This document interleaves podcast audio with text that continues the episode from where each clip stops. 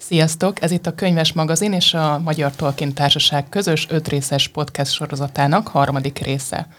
A podcast célja, hogy Tolkienit a szemmel megvitassuk, milyen az Amazon hatalomgyűrűi sorozata. Beszélgető társaim a stúdióban Barna Bálint és Füzesi Tamás Tolkien kutatók, én Sándor Anna vagyok. Itt vagyunk az első évad fél idejénél. Az előző adásban sokat beszélgettünk a főbb szereplők ábrázolásáról, és arról is, hogy hogyan jeleníti meg például a tündéket az Amazon. És abban egyetértettünk mindannyian, hogy nagyon-nagyon vártuk a Númenori részeket, úgyhogy erre mindenképpen ki fogunk térni mások mellett.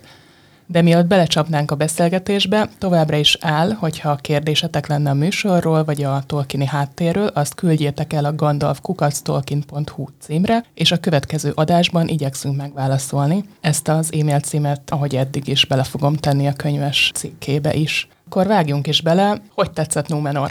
Nekem nagyon. Tehát, hogy én őszintén megmondom, hogy ha semmi más nem lesz ebbe a sorozatba, csak ez a Numenor élmény, akkor valójában már én nem sajnálom a befektetett pénzt a, a, a dologba. Numenor nekem mindig is az egyik kedvenc, ilyen kiemelt jelentőségű helyszín és történeti szegmens volt a Tolkien mitológiában és azt kell mondanom, hogy amit én elképzeltem Numenorról, az szinte tökéletesen hozza a, ez a képi világ, meg ez a megjelenítés, és most nem csak a tájakról, meg a városról beszélek, hanem a, az emberekről, meg a, a, a tárgyi kultúráról, meg minden másról. És amiben meg nem, tehát amit én ugye külön referencia hiány nem vizualizáltam magamba, azokban meg remekül beleillik. Tehát, hogy így... így Például? Az ékszerek, az, hogy az egésznek van egy ilyen meghatározhatatlan ókori keleti beütés, anélkül, hogy abba a hibába esne, hogy bármelyik konkrét ismert emberi ö, ókori kultúrát konkrétan felhasználna. Tetszik, hogy jól láthatóan van benne tényleg egy ilyen az emberi, emberiség őstörténetébe vezető dolog, amiben nincs referencia a közeli dolgokra. Végre valahára el, tudtuk, el tudtunk szakadni ezektől a, a középkori európai, meg ehhez hasonló páncélos, páncélos igen. Aha. A másik oldalról viszont meg az is, a, meg mégis jó, hogy, hogy közben meg az látszik, hogy egy elképesztő magas kultúra. Tehát, hogy, a, hogy ugye az, ami, ez a kettősség, ami a Tolkieni leírások szerint Numenorra jellemző, hogy egy nagyon ősi, viszont egy elképesztően fejlett társadalmi rend, meg, meg gazdaság, meg technika, technológia, meg művészet, meg minden más, és ezer millió apró részletből látsz, látszanak ezek a dolgok, nagyon-nagyon szépen van megcsinálva, azt kell mondanom. Egészen, egészen különleges. És nagyon jók voltak maguk a karakterek, akiket bevezetett. Igen. Ugye féltem egy kicsit tőle, hogy egyszerre túl sok szereplőt akar ö, bedobni a levesbe, de az igazság, hogy sokkal ügyesebben építette fel őket, mint a korábbi karaktereket, a korábbi részek. Szinte minden egyes szálban van valami apró érdekesség, ami úgy megfogja az embert, még nem is nevezhető tökéletesnek minden megvalósítás. De én azt érzem, hogy ebben a Numenori történet szában van erő, még nem annyi, amennyit szeretnék, hogy elvárnék, de már érezhető, hogy itt valami a látszólagos, nyugodt felszín alatt háborog már, és ez csak arra vár, hogy kitörjön. Igen, nyilván a, a tünde, ugye a másik főszálnál, a, a gyűrűkovácsolásos szálnál, Gilgaladnál, illetve Celebrimbornál, ott, ott nem jutottunk el ennyire a, a lényegig. Tehát, hogy ugye ott még, hát még sokkal, tehát én azt gyanítom, hogy a következő rész az meg azt fogja hozni, ugye láttuk már az előző részben, hogy épül a kohó, a, a, meg ehhez hasonlók, úgyhogy valószínűleg ott, ott meg annak lesz egy ilyen nagyobb kibontás, és akkor ott is majd jobban közelítünk a tényleges Tolkieni történetekhez. Ez nagyon szép. Én is azt mondom, hogy, a, hogy, hogy hoz, ugye nagyon sok, majd er, nem tudom, erről beszélünk el, ugye nagyon finom eltérések vannak az eredeti Tolkien írásoktól. Most beszélünk róla, hogy akkor kezdj is bele. Hát ugye, a, ugye az első, amit, amivel valószínűleg az alkotók egyszerre jól jártak, és azért folyamatosan küzdenek, ez az idő összecsúszás. Tehát, hogy itt azért itt két idősík van együtt, a, a, a tündéknek valóban van egy időszak, amikor segítségre van szüksége, pontosabban igazából kettő, amikor még korábban a másodkorban, amikor a numenorikat hívják segítségül, Viszont az még abban az időben van, amikor a Numenoriaknak semmi bajuk nincs a tündékkel, szóval a, a relatíve lelkesen, kicsit ugyan az egyik alkalommal elkésve, de, de, de jönnek és segítenek. Míg itt meg ugye az, az a sztori, hogy ugyan kérnek segítséget a tündék, de valójában a, itt már nincs jó hangulat. És ugye ezt a kettőt azért egy kicsit összejátszani, ez, ez, ez nem, ott volt is talán egy pici döccenés a, a dramaturgiában, ugye amikor egyszer csak váratlanul mégiscsak úgy döntenek, hogy akkor elmennek segíteni, eh, miközben ugye az egész ország nem erről szól, Oké? Okay? Tehát ez, ez az egyik. Ez, ezekből adódnak kisebb dolgok. Apróságok, tehát ugye Tarpalantír király, Tarpar, ugye a három főszereplő, a Numenori itteni ilyen hatalmi érdekben, azért Tarpalantír, ő az apa, ő az, apa, az öreg király, igen, Miriel a lánya, és Farazón, ugye, aki egyébként az unokaöccse, tehát a testvérének a fia, a, úgyhogy a Miriellel meg unokatesók, és a, ugye az ők, ez, ez elég jól le van írva a Tolkien mitológiában, cirka összesen négy mondatban körülbelül, vagy négy vagy öt mondatban, de és tényleg ez a helyzet, hogy ugye miközben már jó ideje, tehát már jó pár száz éve fokozatosan Numenorban a,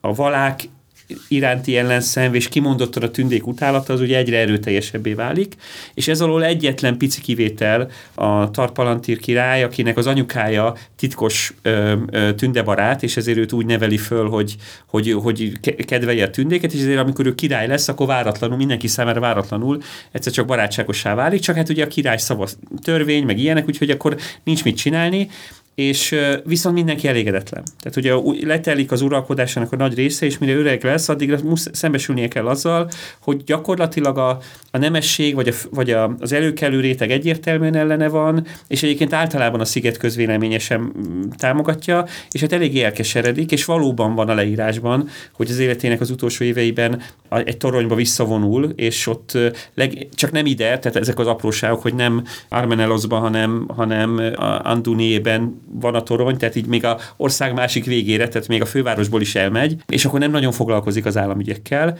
Úgyhogy ez a rész tök jó. Az nincs a Tolkien mitológiában, hogy a lánya a helyére lépne, mint, mint réges, tehát a lányáról először ott van szó igazából, amikor meghal, és a tróra kéne lépnie, mert ugye a Numenori törvények már egy ideje megengedik a nőági örökösödést, hogyha nincs, nincs fiútód. Úgyhogy e, ezek ilyen apró, kisebb eltérések, de láthatóan a fő sztorit, a, a, az, alap, az, az alap dolgot, azt, azt, azt tartják. És nekem nagyon tetszik Farazon karaktere. Tehát, hogy, hogy de mind a, egyébként mindenki jó Numenorban.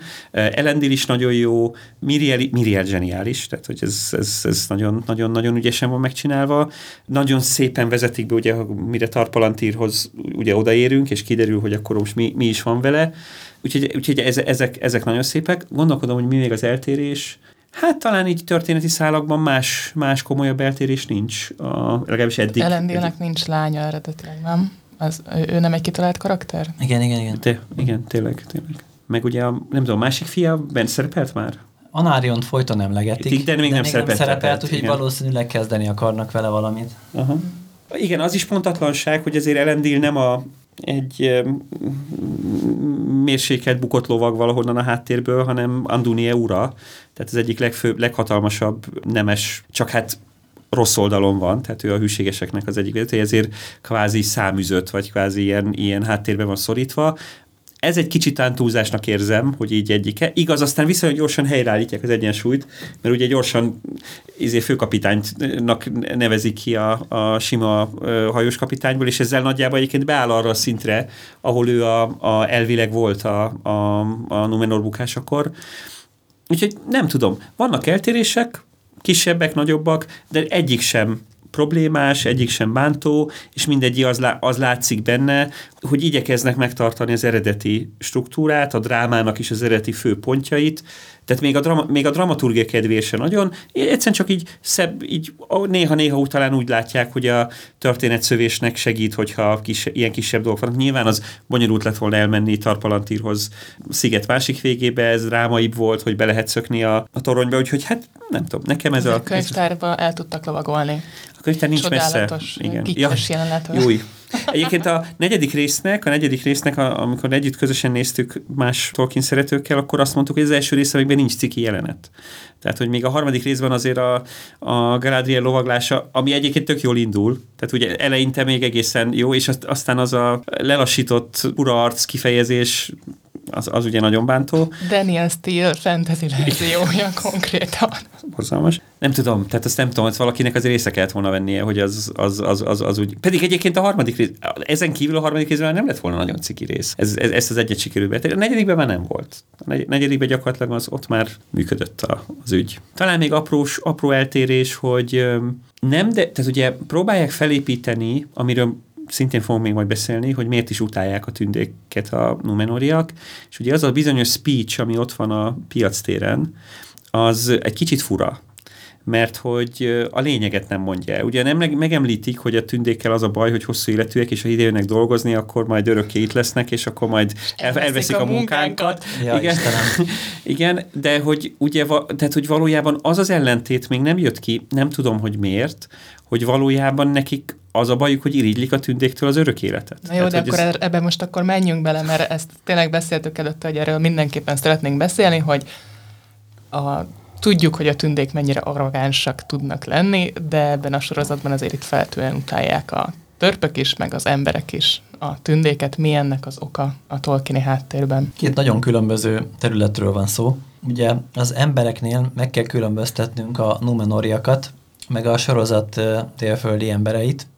Általában elmondható, hogy az emberek nem utálják a tündéket, ugyan a harmadkori történetekből tudjuk, hogy azért eléggé gyanakvóak velük szemben, mert annyira elzárkózva értek egymástól, hogy már nem is nagyon tudnak egymásról, nem is igazán érintkeznek egymással. Ehhez képest a másodkor egy olyan időszak, ahol sokkal uh, intenzívebb uh, diplomáciai kapcsolatok vannak emberek és tündék között. Numenorról uh, Tolkiennál lehet bővebben olvasni, hogy honnan ered ez az egész. Ugye Tamás már említette, hogy itt tulajdonképpen arról van szó, hogy a Numenoriak minél gazdagabbak, minél hatalmasabbak lettek, annál nehezebb volt lemondaniuk erről az életről, amikor eljött az idejük. A Numenori királyoknak ugye megadatott, hogy megválasszák a haláluk óráját, és ezért lehetőségük volt például a testi erejük teljességében is akár elaludni, ha úgy kívánták. És ez, ahogy bejöttek az irigység, az aggodalom, a halál miatt, a gazdagság és dicsőség el nem engedése, úgy egyre inkább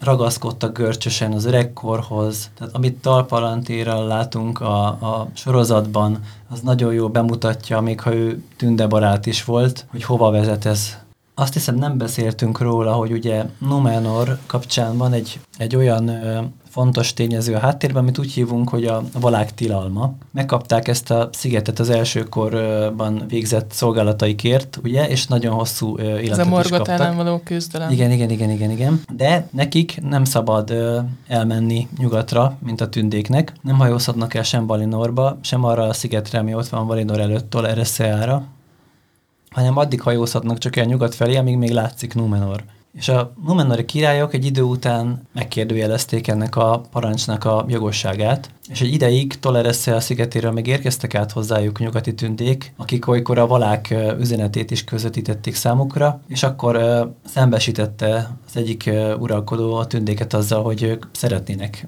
átmenni, és a tündék figyelmeztették őket, hogy ez így nem lesz jó. Ez még jóval régebben volt a parantír előtt, és ennek a következménye lett az, hogy a tündék fokozatosan uh, elhidegültek a numenoriaktól, és viszont és a numenoriaknak fontosabb lett az, hogy az életüket minél jobban meghosszabbítsák, erre kerestek mindenféle praktikákat. Ahogy később ugye a gyűrűk urában gondolnál is látjuk, hogy a halottaknak nagyobb figyelmet, hogy a halottakra nagyobb figyelmet fordítottak, mint a gyermekeikre, és ennek lett a következménye az, hogy gyakorlatilag a homály még Sauron előtt megjelent a királyságban. Na most a törpöknél kicsit összetettebb a helyzet, ott ugye több törp nemzetség van, és mindenkinek a történelem folyamán másfajta konfliktusa lett a tündékkel. Sőt, volt egy, még az elsőkor elején egy olyan törp törzsök, egy pici törpöknek neveztünk, és amikor ezek megjelentek, és a tündék nem tudták, hogy ezek micsodák, azt hitték, hogy vadállatok, és vadáztak rájuk. Aztán ez a törzs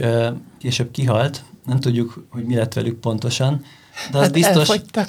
Igen, de az biztos, hogy a többi hét megmaradt több nemzetség se nézte azért jó szemmel ezt a dolgot. Ugye a Silmarillokból tudjuk, hogy az első korban azért voltak itt egyéb konfliktusok is, a Doriati Tünde királyság konfliktusa a éghegységbeli törpökkel, a, a Nauglamir nevű nyaklánc kapcsán, amit ugye a törpök készítettek, hogy belefoglalják az egyik Silmarilt, és akkor, akkor most pontosan ez most kié, meg mi lesz a sorsa, az olyan vitákat eredményezett, ami tetlegességig fajult, és végül Doriat pusztulásához vezetett, ez is benne van.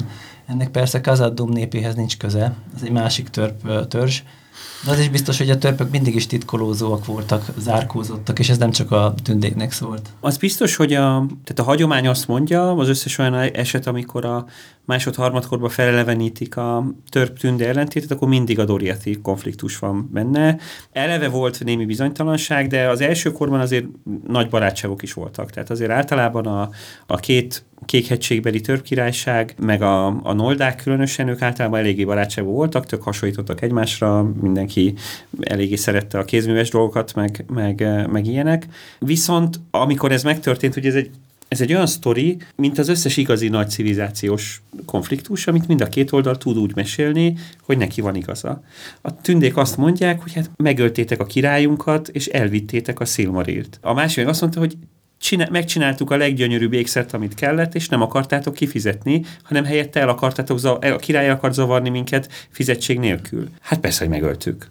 És ugye a sztori nem ér véget, mert utána a tündék összefognak, és megölik az összes törpöt, aki a még hazafelé úton, a, akik elrabolták a, a, a szilmarit, és visszaveszik a szilmarit a nyaklánccal együtt, ami még, nincs, még mindig nincs kifizetve egyébként, csak hogy tegyük hozzá a... Mármint a sorozat idején. Sem. Tehát, ez, tehát hogy ez egy ilyen, a, a, a tényleg a tipikus, a kortás történelmből is ismert dolog, amikor két nép haragszik egymásra valami olyan ősi sér, sérelem miatt, amit mind a két oldalnak van oka a saját magának. Úgyhogy ez itt, és utána ez az elkövetkezendő 6000 évben ez így vígan megvan. Ebből elméletileg a, a Tolkieni sztori szerint egyetlen rövid szakasz van, amikor újra van némi barátság a törpök és a tündék között, az pont ez, a, ahol mikor játszódik, amikor is Celebrimbor népe, akik ugye megint csak előveszik az ő kis jó kis kézműves ideáikat, meg a kazadumi törpök, akik szintén eléggé akkoriban ügyeskednek, hogy ez a, ez, ez a két dolog ott akkor összekapcsolódik, és ugye Tolkien azt írja,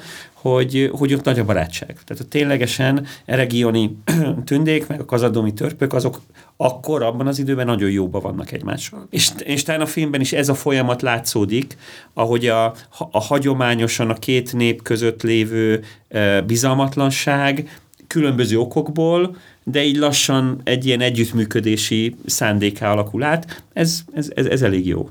Egyébként Kazadumban ez már a törpök túlmére és túlmohón ástak periódus, vagy még nem? Még nem, még nem. Hát ugye, az, a, a, ugye a, ennek a kezdete, ez biztos, de ugye a túl mélyre, az majd, a har, az majd csak a harmadkorba jön el, tehát a barrogot csak a harmadkorba találják meg, és a kazadum csak a harmadkor közepetáján népes, vagy nép, néptelni kell. Úgyhogy ez még annak a nagyon előszele. Tehát itt még valószínűleg a, a, a mitrilt még, még, még viszonylag jó helyeken találják, csak hát ugye leírták, hogy azért még itt is nagyon ritka, borzasztóan nehéz kibányászni. Ez valószínűleg még néhány ezer éve, és amikor elfogynak a hozzáférhető dolgok, akkor döntenek úgy, hogy akkor nincs, nincs határa, meddig még próbálkoznak. Mitril kapcsán van egy kis időbeli eltérés, ugyanis Tolkieni szövegekben Eregiont pont azért Kazadum közelében hozták létre, mert akkor már megindult a Mithril kapcsolatos kereskedelem, tehát ez nem volt egy titok. Itt valószínűleg egy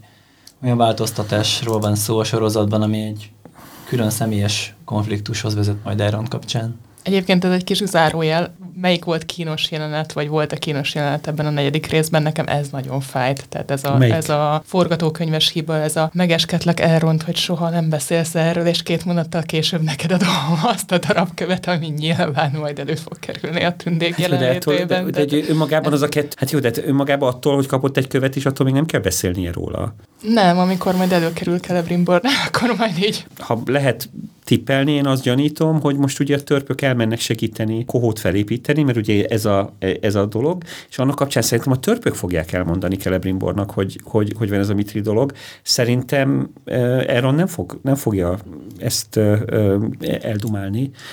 Esetleg, ha véletlenül megtalálják a követ. Tehát, hogy esetleg Celebrimbor, vagy elejti, elveszíti valamit, tehát, hogy i- ilyenekbe... Én erre gondolok, hogy ez tud ilyen nagyon ostobán, ilyen jelenet után. Jó, de hát ez egy, szerintem ez belefér egy dráma, drámába, hogy ilyenek legyenek. Azért Aaron-tól egy esküszegés nagyon erős Igen. lenne. Igen. Bízom benne, hogy nem ezt választják. Nem, nem hiszem. Nem, nem illik, nem illik ebbe a karakternek a építésébe. Jó, akkor viszont én is mondanék Numenorról pár gondolatot, meg az emberek, meg a tündék ellentétéről. A Numenor szigete, azt ugye az ajándék szigetének is nevezik, mert hogy a, az volt, az egésznek az az alapja, hogy az volt a különleges, hogy az első korban az emberek többsége nem harcolt Morgoth ellen, hanem vagy elbújt, vagy a szolgálatába állt.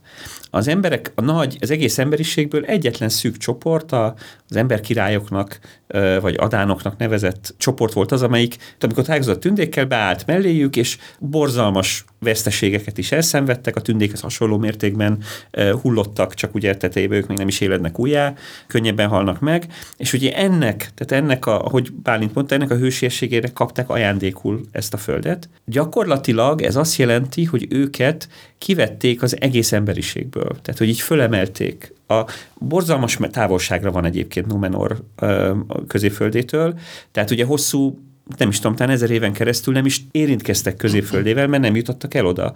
Ugye őket a tündék, tündehajók ö, vitték ö, Numenorba, néhány százezer emberrel indult a, ha jól emlékszem, százezer nagyságrendű ö, népességgel, és utána ők ott lettek hagyva és nyugatról időnként a, a tündék meglátogatták őket, de ők valójában a saját gyökereikhez, az emberiséghez nem, nem, nem kapcsolódtak. Ők egy ilyen nagyon önálló, nagyon belterjes kultúrát hoztak létre. De ezt lehet tudni, hogy amúgy ez az ő fejükben hogy volt, hogy azért Tudtak, nem... emlékeztek mindenre. Tehát, hogy hát, nem kapcsolódunk hozzájuk, hagyomány... hiszen ők elárulták a tündéket és a valákat. Egy kicsit ez is benne volt. Igen. Vagy, tehát, hogy mi ez az érdekesség? Hát nem csak, tehát ugye kapt, megkaptak egy olyan területet, egy olyan országot, ami tízmilliószor jobb volt, mint bármi, amilyen körülmények között emberek éltek valaha a Földön. Ugye a Tolkieni, azt szokták mondani, hogy a Tolkieni mitológiában a Numenor az egyfajta ilyen bűnbeesés előtti paradicsom jelkép. Tehát, hogy a, az emberek megkapták a hibátlan Földet, azt, ahol minden tökéletes, ahol, ahol minden úgy van kialakítva, hogy az ember számára e, ideális legyen, és ezen a területen nyilván ők, tehát minden hagyományuk megvolt, fejlett írásbeliséggel rendelkeztek, mindent tudtak, ami a korábbiról volt, de közvetlen kapcsolatuk abban az időben nem volt. Legfeljebb annyit tudtak a e, középföldéről, amíg nem indultak újra a hajók kelet felé, amit a nyugatról érkezett tündék esetleg elmeséltek nekik, akik meg onnan tudták, hogy mert hogy középföldéről azért a tündék meg folyamatosan mentek e, e, Valinorba, és aztán egy idő után nyilván, amikor a saját szigetüket belakták, amikor ott már mindent felépítettek, ugye van egy királyuk, aki elkezdi azt a hajózást, és akkor a világ legjobb hajósaivá válnak, és akkor ugye ők körbehajózzák az egész világot, nem csak középföldre jutnak vissza, hanem az a mondás, hogy ők az egyedüliek, akik az korabeli világot, kivéve Valinort, mert oda nem mehettek el, teljesen behajózzák. És egyébként ebbe, ezekben a Numenori jelenetekben ez a hajóközpontúság, ez is zseniális. Tehát ez nagyon-nagyon-nagyon beleillik a, a Numenori hagyományba. Na mindegy, szóval tehát ez innen indult. Tehát ők valójában hosszú-hosszú ideig középföldével nem foglalkoztak. Az ő, amikor arról beszélünk, hogy a Numenoriak nem szeretik a tündéket, akkor a valinori tündékről beszélünk. Tehát, hogy ott az ő ellentétük az valójában mindig is valinor körül forgott, nem általában a tündékkel van bajuk, hanem a valinoriakkal. Mert hogy, és talán ez a kulcs ö, dolog, hogy ők azt hiszik, vagy egy idő után ez válik uralkodóvá, hogy ők azért nem halhatatlanok, mert nem mehetnek Valinorba. Tehát, hogy nekik a, Ugye a Valinor másik neve a halhatatlan föld, és az azért nevezik halhatatlan földnek, mert a halhatatlanok ott élnek. Csak a Numenori logik ezt megfordítja, és azt mondja, hogy azért azok a halhatatlanok, akik a halhatatlan földön élnek, és ha ők is elmehetnének a halhatatlan földre, akkor ők is halhatatlanok lennének. Ez egyébként nem igaz. És tehát, hogy ez az egész dolog valójában nem egy tünde Numenori vagy tünde ember ellentét, hanem ez egy valinori Numenori ellentét. És csak mivel ők elsősorban Valinorból, ugye valák személyesen, meg a maják nem jönnek el Numenorba, ők Valinorból a tündéket ismerik. Úgyhogy ez talán még ez a, a háttérhez érdemes ö, ö, ezt tudni. Az is egy érdekes dolog, majd gondolkodjunk el rajta, mikor beszélünk róla, hogy miért is van ez az irítség. Tehát, hogy mi az oka ennek a... a... Most, mert uh, szerintem nem vagyok benne teljesen biztos, hogy ezt minden néző tudja, hogy mi is ez a halhatatlanság, halandó, halál, ez... mint ajándék történet Tolkiennél. Tolkien, Tolkieni mitológiában ez egyik legfőbb koncepció.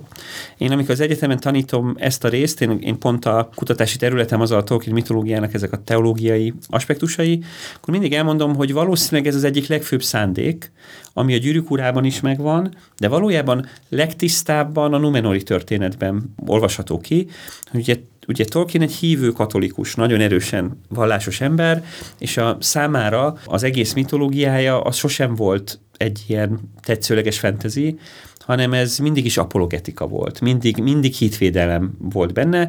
Az a olvasók többségének valószínűleg a, nem mondom azt, hogy szerencséje, de legalábbis egy ilyen helyzete, hogy a Tolkiennek az volt az elve, hogy a keresztény gondolatokat nagyon mélyen kell elrejteni a, a szövegbe, hogy az olvasó ne is feltétlenül tudatosítsa ezt a dolgot. És itt is erről van szó. A legmélyebb tanítás az a, a Tolkien mitológiában az pont a halál. A halál, a halhatatlanság, a halál szükségszerűsége, és ezért Tolkien kitalál egy nagyon fontos fogalmat, a mitológiában ez a Iluvatar ajándéka.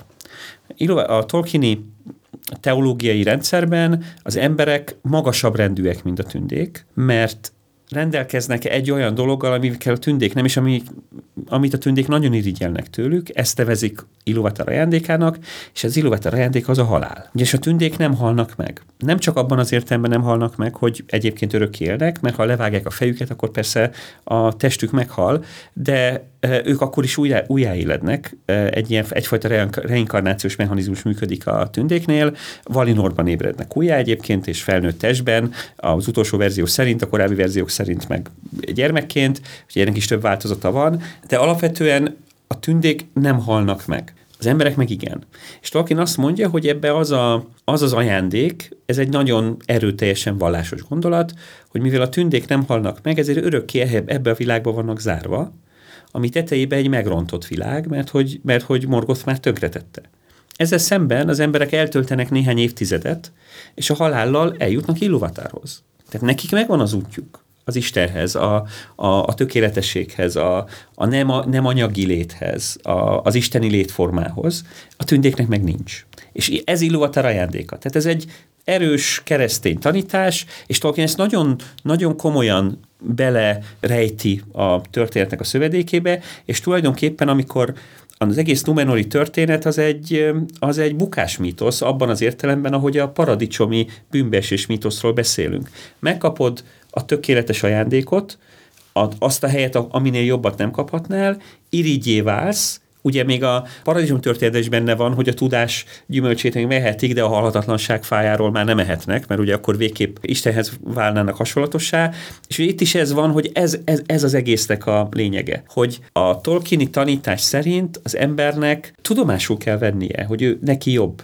Ugye nagyon sok ember számára a Tolkieni művekben a tündék jelentik a legfőbb vonzerőt, nem véletlenül. Tolkien évtizedeket dolgozott azon, hogy megcsinálja azt az arhetipust, ami ennek minden, mindannyian szeretnénk lenni. Magasak, szépek, okosak, kreatívak, halhatatlanok, és itt, és itt tovább, és itt tovább. Tehát, hogy az a dolog, amit az ember úgy igazán magának szeretne, majd utána azt mondja, és hogy, hogy ezek a tündék, akik olyanok, mint amilyenek mindannyian szeretnénk, na, ők az embereket irigylik, amiatt, mert ők nem, nem halhatnak meg. Tehát ez az egész mögött lévő tanítás van a Numenori történet középpontjába, hogy a Numenoriak, akik a legmagasabb szinten élhetik át az emberi életet, ők ez túl sok nekik, és ezért el kell bukniuk. És utána mindenki más, mint, mint a paradicsomi történet után, és minden más ember ebben a világban már el van vágva ettől a dologtól, hogy akár a numenori szinten is lehessen ember. Numenoriak, akik több száz évig élnek, ha nem is örökké, akik tökéletes körülmények között laknak. Úgyhogy ez, ez, ez, ez a sztori, és ezért ez az ellentét, ez egy sokkal mélyebb és sokkal fontosabb ellentét, mint, a, mint, mint bármi más. Ez a hát ilyen teológiai mélység egyébként mennyire tudott mondjuk a nem numenori emberek számára, mert a valák azok az isteni, vagy tehát ilyen angyali lények, akik Ilúvater szándékát közvetíteni hivatottak, ők a to- a, elsősorban azért a tündékkel kommunikálnak. Az emberek tisztában nem. vannak egyáltalán azzal, hogy nem, de nem is kell. létezik? De nem is kell, hogy tisztában legyenek vele, hiszen ugye ha megint csak ha egyel tágabb, ilyen kozmikus szintre emeljük ezt a konfliktust, ugye a, a világnak az a sorsa, hogy Iluvatárnak van egy terve, hogy hogyan lehet, volt egy terve, hogy hogyan lehetne egy tökéletes világot létrehozni. Viszont szabadságot ad az ő általa teremtett, de számára valamilyen szinten társként közreműködő ajnuknak, és ezek közül néhányannak nem tetszik Iluvatár terve, és ilyen mindenféle diszonanciákat beletesznek, ebből a muzsikából lesz a világ, és ebben a világban az a lényeg, hogy a Illuvater eredeti terve a tökéletességről, meg az azt megrontani kívánó akarat, a, a önző akarat, az ebben a világban ugyanúgy, ugyanúgy benne van. És a, a, a végső, sor, végső soron a minden erről a Illuvater eredeti tervéhez hogy viszonyulunk kérdés ö, körül mozog. Tolkiennak a etikája nagyon egyszerű, aki Lovatár tervét szeretné követni, az a jó, aki meg bármilyen módon szembe akar szállni vele, az meg, az meg nem. És ebből ugye az első hullám a valák voltak, akiket legyőz Morgoth még ugye a, a lámpások idején, és vissza kell vonulniuk Valinorba.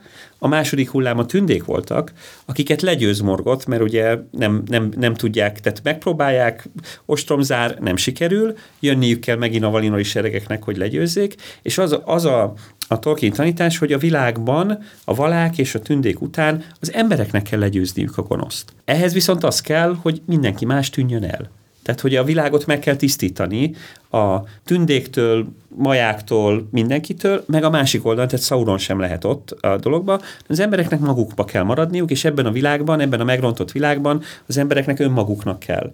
E, és ugye mivel Tolkien tetejébe, hát meglehetősen jól képzett teológus, és konzekvens is ebbe a dologba, az embereknek ebbe a korban nem kell tudniuk erről a sztoriról, mert arra majd arra van a Biblia, meg az úttörténet, majd néhány ezer évvel később, majd az emberiség eljut arra a szintre, ahol ezeket a sztorikat meghallhatja, amikor megtudhatja, hogy mit, mi is a megváltás, meg hogy de most még nem. Kivéve a numenoriakat, mert nekik elmesélték a sztorit. Tehát, hogy egyedül ők azok, akiknek ezt igazából tudniuk kellene, senki másnak. És annyit sikerült belőle megérteni, hogy át kell menni Vajnorba. Mondjuk 2000 évig tartott, de... Hűségeseknek egy picit többet azért Igen. szerencsére. Bár gyanítom, hogy Elendél azért titkolja a sorozatban, hogy ki ő valójában, meg mi a családja valójában, hogy ebből ne legyen baja. Mert van egy ilyen szál is szerintem Igen. a sorozatban, hogy nem, nem, nem vallja be, hogy ő, ő is rossz leszármazottja. Igen, hogy igazából a király rokona ah, valójában. Ez egy szép fordulat lesz. Forduljunk a térképen dél felé, mert hogy a komment szekciókban is megkérdés is érkezett a, arról, hogy délvidékről beszéljünk, engem is nagyon érdekel egyébként. Tehát délvidék ez Gondor, Mordornak valami korábbi verziója, vagy csak Mordorban járunk, egyáltalán hogy lakható ez? Kicsit erről meséljetek egy. Mondok egy ilyen nagyobb átfogó képet, és szerintem Bálint még sok részlettel fog szolgálni. Szóval a, a film, ugye ez a délvidék, vagy délfölde, talán a délföld lenne egyébként a jobb, a jobb kifejezés, nem igazán szerepel a Tolkieni korpuszban ebben a formában, vannak rá utalások, tehát a névjegyzékben szerepel, és itt-ott hivatkoznak rá, tehát ez egy érvényes fordulat, de ebben a formában fontosabb történetek nem fűződnek hozzá. A sorozatban látható térképek alapján ez körülbelül Gondor, tehát a harmadkor végi Gondor és Mordor körülbelül együtt. Tehát ez az a rész ott a Fehérhegységtől délre, meg a Fehérhegységtől keletre, meg a, a mordori félgyűrű vagy alakú e, hegylánc mellett, meg attól egy kicsit északra, meg kicsit délre. Tehát körülbelül ez az, véletlenül pont az a terület, ahol a gyűrűk urának is így a fő sztoria játszódik. Ez azért érdekes, mert egyébként a másodkorban az emberek azok itt élnek leginkább. Az északi rész, az Eriádori rész, ahol ugye később a megye, megye lesz, meg, meg ahol a gyűrűk urának így az eleje játszódik, meg egyébként később a harmadkornak egy hosszú történetei ott azért vannak, ott emberek nem nagyon élnek. Tehát vagy, nagy, vagy relatíve kevesen. Az egy tünde dolog.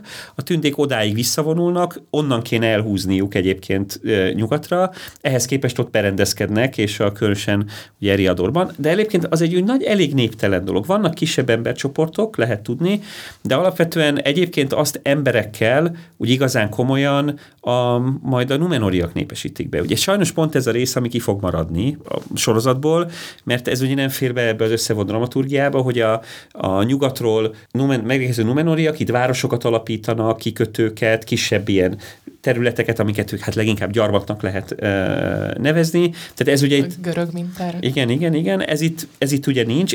Hozzáteszem egyébként, ezt még nem beszéltünk, hogy Tolkien tudatosan Atlantiszt majmolja. Tehát mi, amit a platóni Atlantis leírásból tudunk, azt ő valahova beleteszi a, a dologba. Például ebből is ugye, hogy az a, Platón szerint az atlantisziak onnan nyugatról visszajönnek, és hát itt mindenféle kis országokat, városokat, helytartókat, stb. alapítanak, mert hogy annyival fejlettebbek. Na mindegy, szóval azt akarom mondani, hogy ez a délfölde, ez az a rész, ahol már tényleg emberek élnek, mert hogy itt, a tűn, itt már nem nagyon vannak tündék, és valószínűleg a keleti emberekről van egy ilyen tolkini hagyomány, hogy azt annak idején idején Morgosz tanítása megfertőzte, tehát hogy általában az emberek középföldén, kivéve a Edán, az adánokat, akik, akik meg ugye mind ott vannak Numenorban most már, azon kívül a többi ember az gyanús. És ezek itt vannak.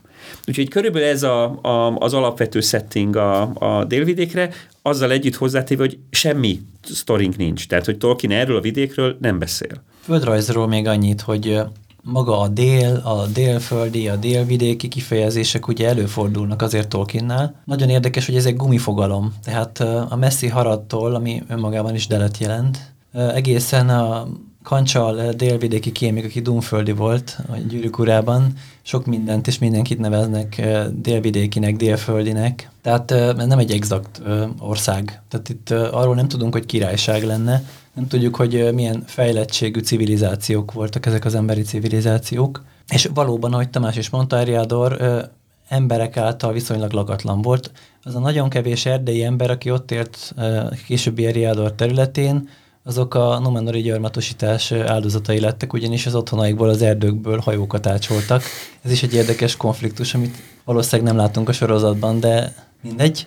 Szóval visszatérve a, a délvidékre, én úgy látom, hogy a sorozat egy központi konfliktus helyszínné építi föl ezt az egészet. Ha már az első évad ugye látszólag Sauron visszatéréséről szól, ez a fő téma, akkor uh, Mordornak a kialakulása is uh, egy fontos történetszál lesz, és ezért fordítanak ennyi időt és energiát erre. Ugye a Tolkieni mítoszok, vagy a eredeti Tolkieni történetek a másodkorban annyit tudunk, hogy valamikor ilyen, hát jóval korábban, mint ahogy a sztori bármelyik időségig kezdődne, ilyen 6-7-800 évvel korábban, Gilgaladék felfigyelnek arra, hogy keletebb mozgolódás van, eljutnak a hírek, hogy a keleti emberek között, keleten-délen lévő emberek között, mint a felbukannának olyanok, akik megint morgoszt tekintik valamilyen módon az ő vezetőjüknek, és akkor ez egy ilyen gyanús, tehát hogy akkor ott, ott van egy ilyen feszültség azzal a, a, a területtel szemben, ezért örülnek aztán a tündék egyébként, akkor megjönnek a numenoriak, mert a numenori telepek, azok pont ott alakulnak ki,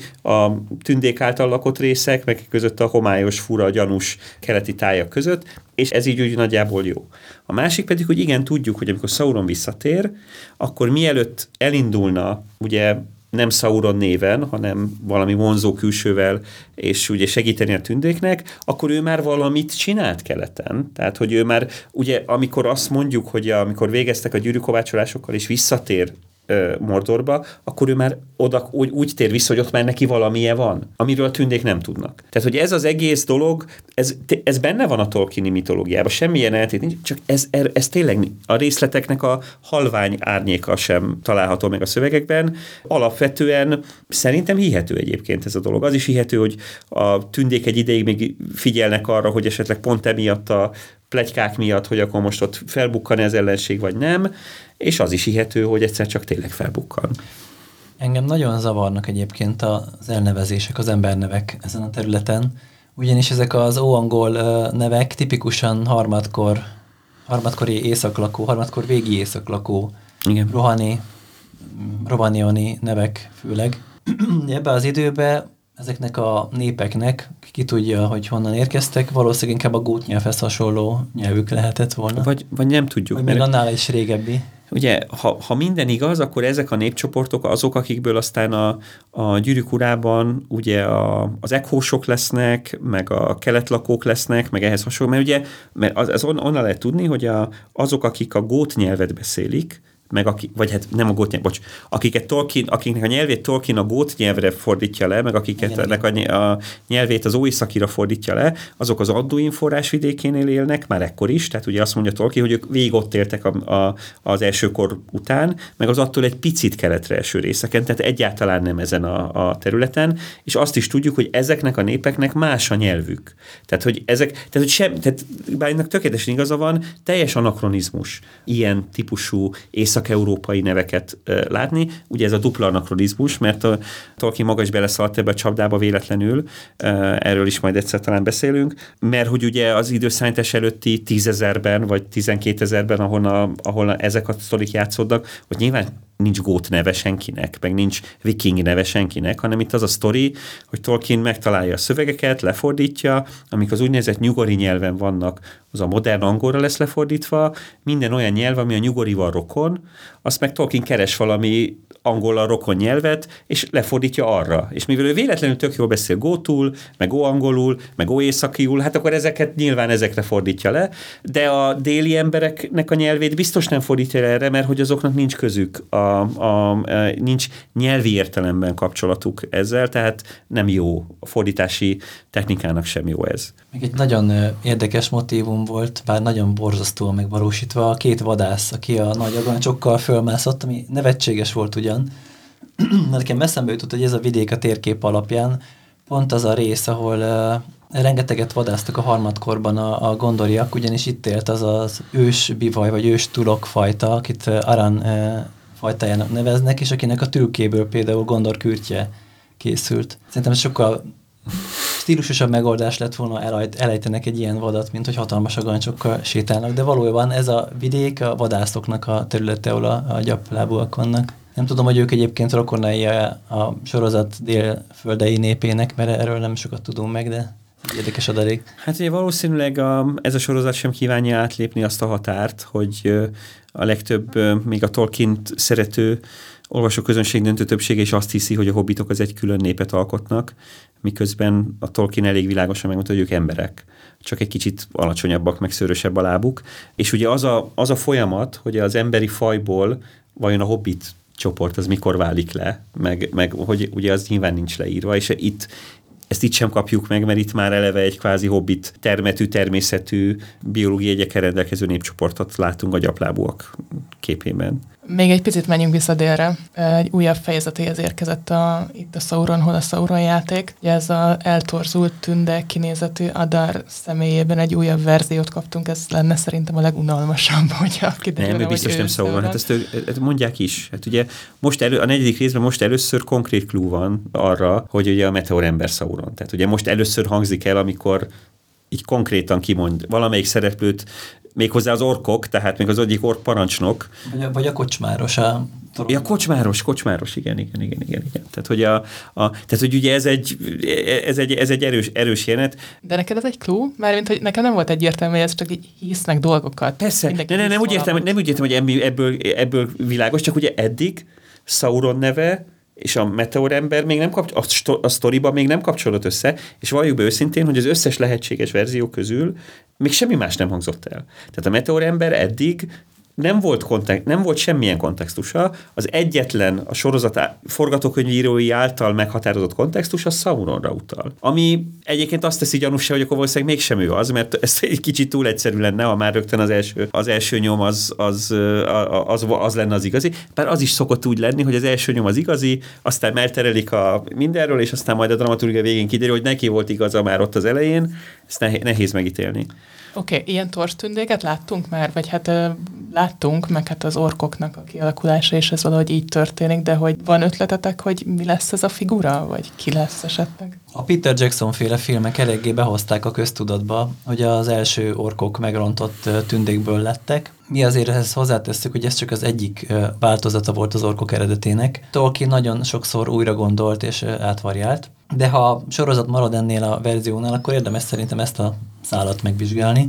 Szerintem ez az Adár figura azáltal, hogy atyát jelent, meg atyának szólítják, mindenképp valami ős figura az orkok számára. Tehát ezért néznek föl rá. Ő nem lett ork, az látszik rajta, de az is, hogy megkínozták, tehát van az arcán valami mégis nyom, vagy valami hasonló. Az elsőkori megrontott tündékről ugye nagyon sokat nem tudunk. Amit a Silmarillok ír, hogy ezeket Morgoth, az első sötét úr azért általában inkább kémnek használta ha valakit szabadon engedett a börtöneiből, akkor azok akaratlanul is a homályt magukba víve visszatértek otthonaikba. Egy idő után a beleriandi tündék megtudták, hogy ez nem jó ötlet, és nem engedték be őket, és hagyták magányosan kóborolni, amíg bele nem fáradtak a világba. Az, hogy egy tünde az orkok élére álljon, az egy eléggé fura és meglepő húzás, már csak azért is, mert ugye tudjuk, hogy Sauron a másodkorba Tolkien szerint egy nagyon szép, vonzó, szinte tündeszerű alakot öltött föl, amikor felkereste Eregiont, és a Nature of Middle-earth című könyvben, ami nemrég jelent meg, leírja, hogy amikor először kereste föl ebben az alakban az orkokat, akkor az orkok elsőre kinevették őt. Tehát, hogy nem, nem biztos, hogy ez a legmegfelelőbb külső arra, hogy orkokat vezes,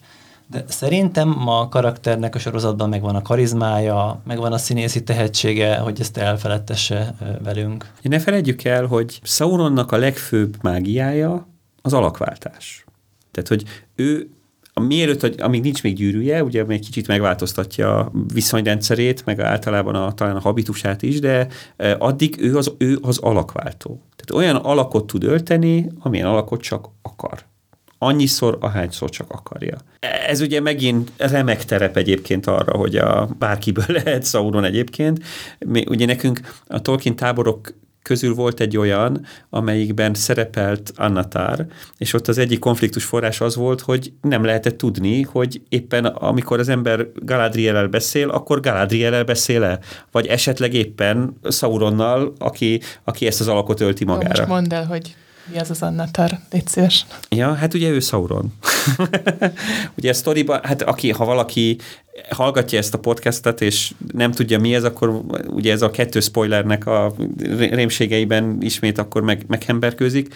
Ugye arról ugye a sztori szerint Sauron egyszer csak megjelenik saját alakjában a tündék között, Celebrimboréknál, és akkor egy Annatár nevű figurák, figuraként jelenik meg, aki, ahogy Bálint mondta, egy gyönyörű, szép, okos, művelt, rendkívül tehetséges, rendkívül sok mesterségbeli tudást hoz magával, összehaverkodik a tündékkel, és utána közös projektként megalkotják a gyűrűket. Ez a miköz... És a név jelentése? A név jelentés pedig azt jelenti, hogy az ajándékok ura, mert hogy amellett, hogy konkrétan is hoz egy csomó ajándékot, valójában a legfőbb ajándék a tudás, amit hoz, amit aztán Celebrimborékkal közösen használnak. Szóval visszatérve a dologra, minden lehetséges, akár ő is lehet Sauron.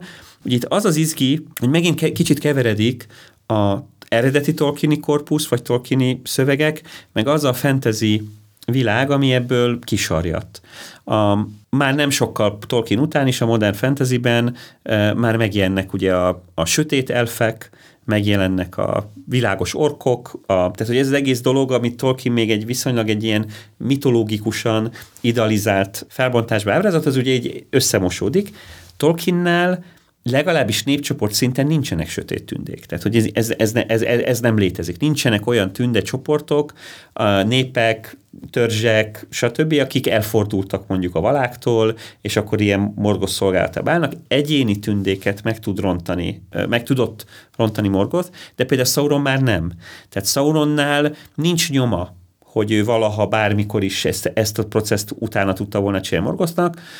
Ha meg tudta volna tenni, akkor valószínűleg többször is esetleg megtette volna. Viszont az is igaz, hogy valóban vannak olyan eredeti történetek, meg az biztos, az késő, az minden verzióban benne van, hogy a legkorábbi időkben, még az első korban Morgoth rendszeresen fogságba ejtett tündéket, és megkínozta őket. Hogy aztán belőlük lettek-e az orkok, vagy nem, hogy testileg lettek-e belőlük az orkok, hogy felhasználta -e őket, mert ugye azért itt azért még bonyolult ilyen dolgok vannak, hogy azért Sauronra is azt mondják, hogy az urukhájokat, azokat emberek és orkoknak a párosításával állította elő. Saruman. Nem, Sauron. Sauron. Sauron. Igen. Igen. Wow. Bár ez csak szélszakál tipja a könyvbe, ha jól emlékszem, szóval nem tudjuk biztosan. De ugye Saruman tovább fejlesztette, és ő csinált igen. kobold embereket, félorkokat is, ami már egyértelműen ember ork keverék.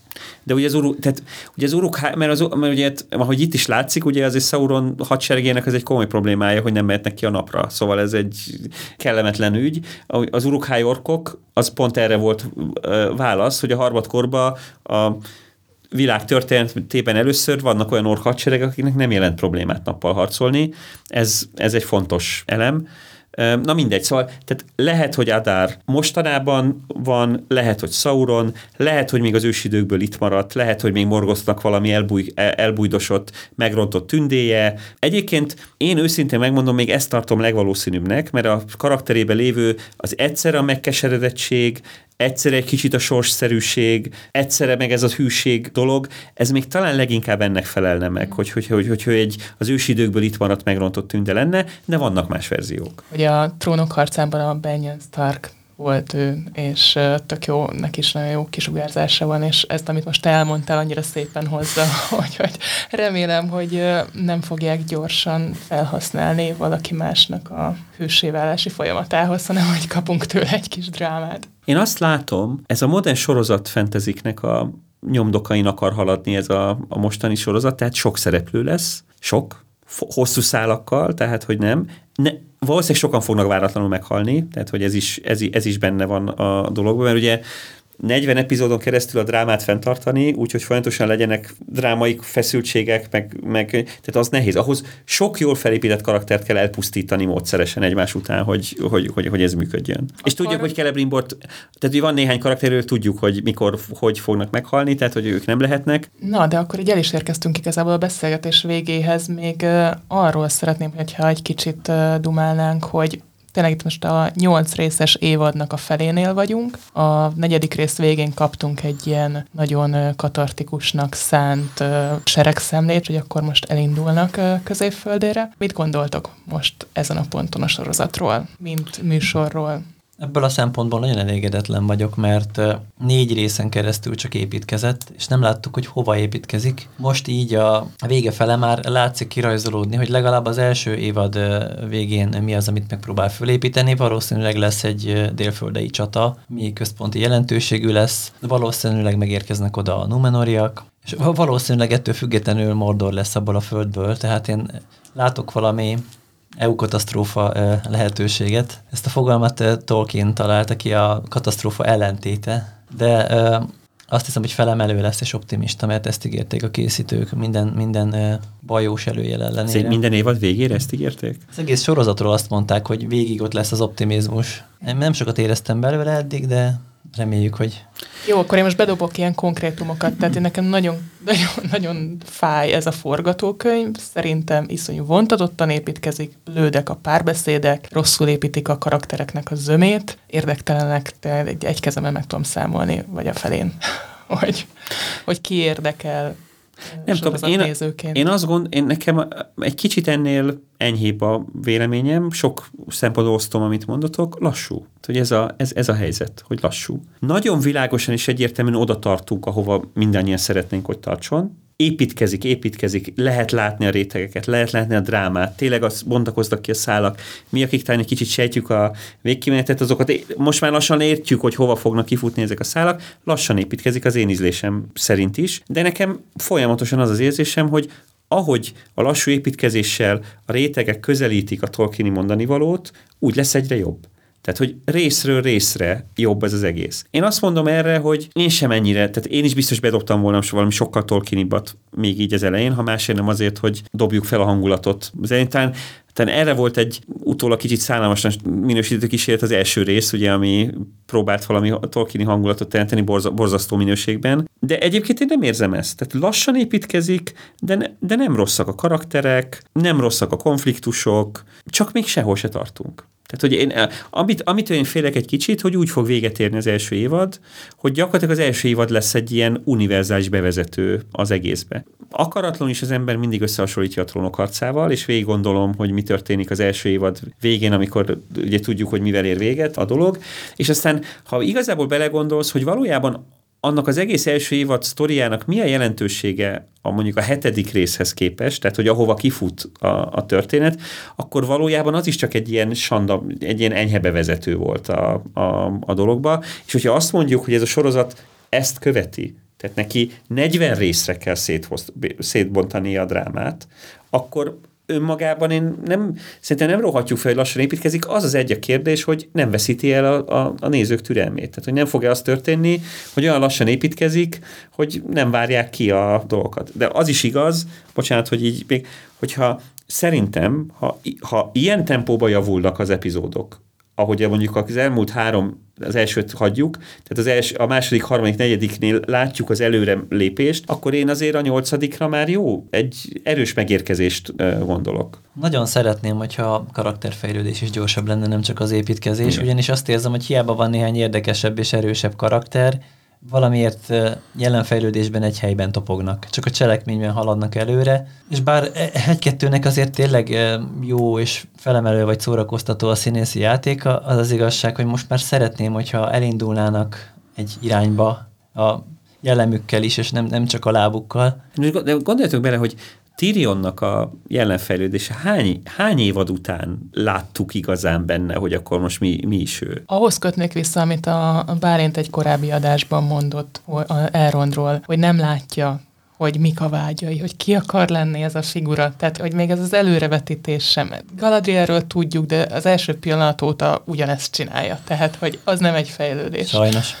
Um, Jó, a tünde karakterek egyébként nagyon bénák. Tehát, az, a, tehát a, szerintem ezt már múltkor is elmondtuk, ez most is itt vagyunk, nem, nem vagyunk elégedettek, nem, ta, nem sehonnan tartanak sehova. Dramaturgiai szerepük is kérdéses. A... Ugye Halbrand lett egy összetettebb figura, a szimpla opportunistaság fejből egy kicsit drámaibb, de ez is egy nagyon sablonos jelenlegi állapotában, de rá még kíváncsi leszek. Ugye ő is egy potenciális Sauron jelölt, ahogy igen, keveri a igen. szart, már bocsánat. Na, Numenoriakra vagyok még kíváncsi, tényleg ott a Elendil és házatája. Tehát hát az Elendil is, Farazón is, Miriel is, ezek azért ott itt, itt, itt erős, itt, itt, itt erős történetek vannak. Iszildurba is látok potenciált, tehát abban abba a srácban van, megvan a lehetőség, még egyelőre nem kapott erős szállat. Hát én nem teljesen értem még az ő motivációit, a, a őszintén megmondom, de vala... Suttogó tenger a naplementében. Hozzá, igen, meg hozzáteszem, hogy nyilván Isildur később is fura.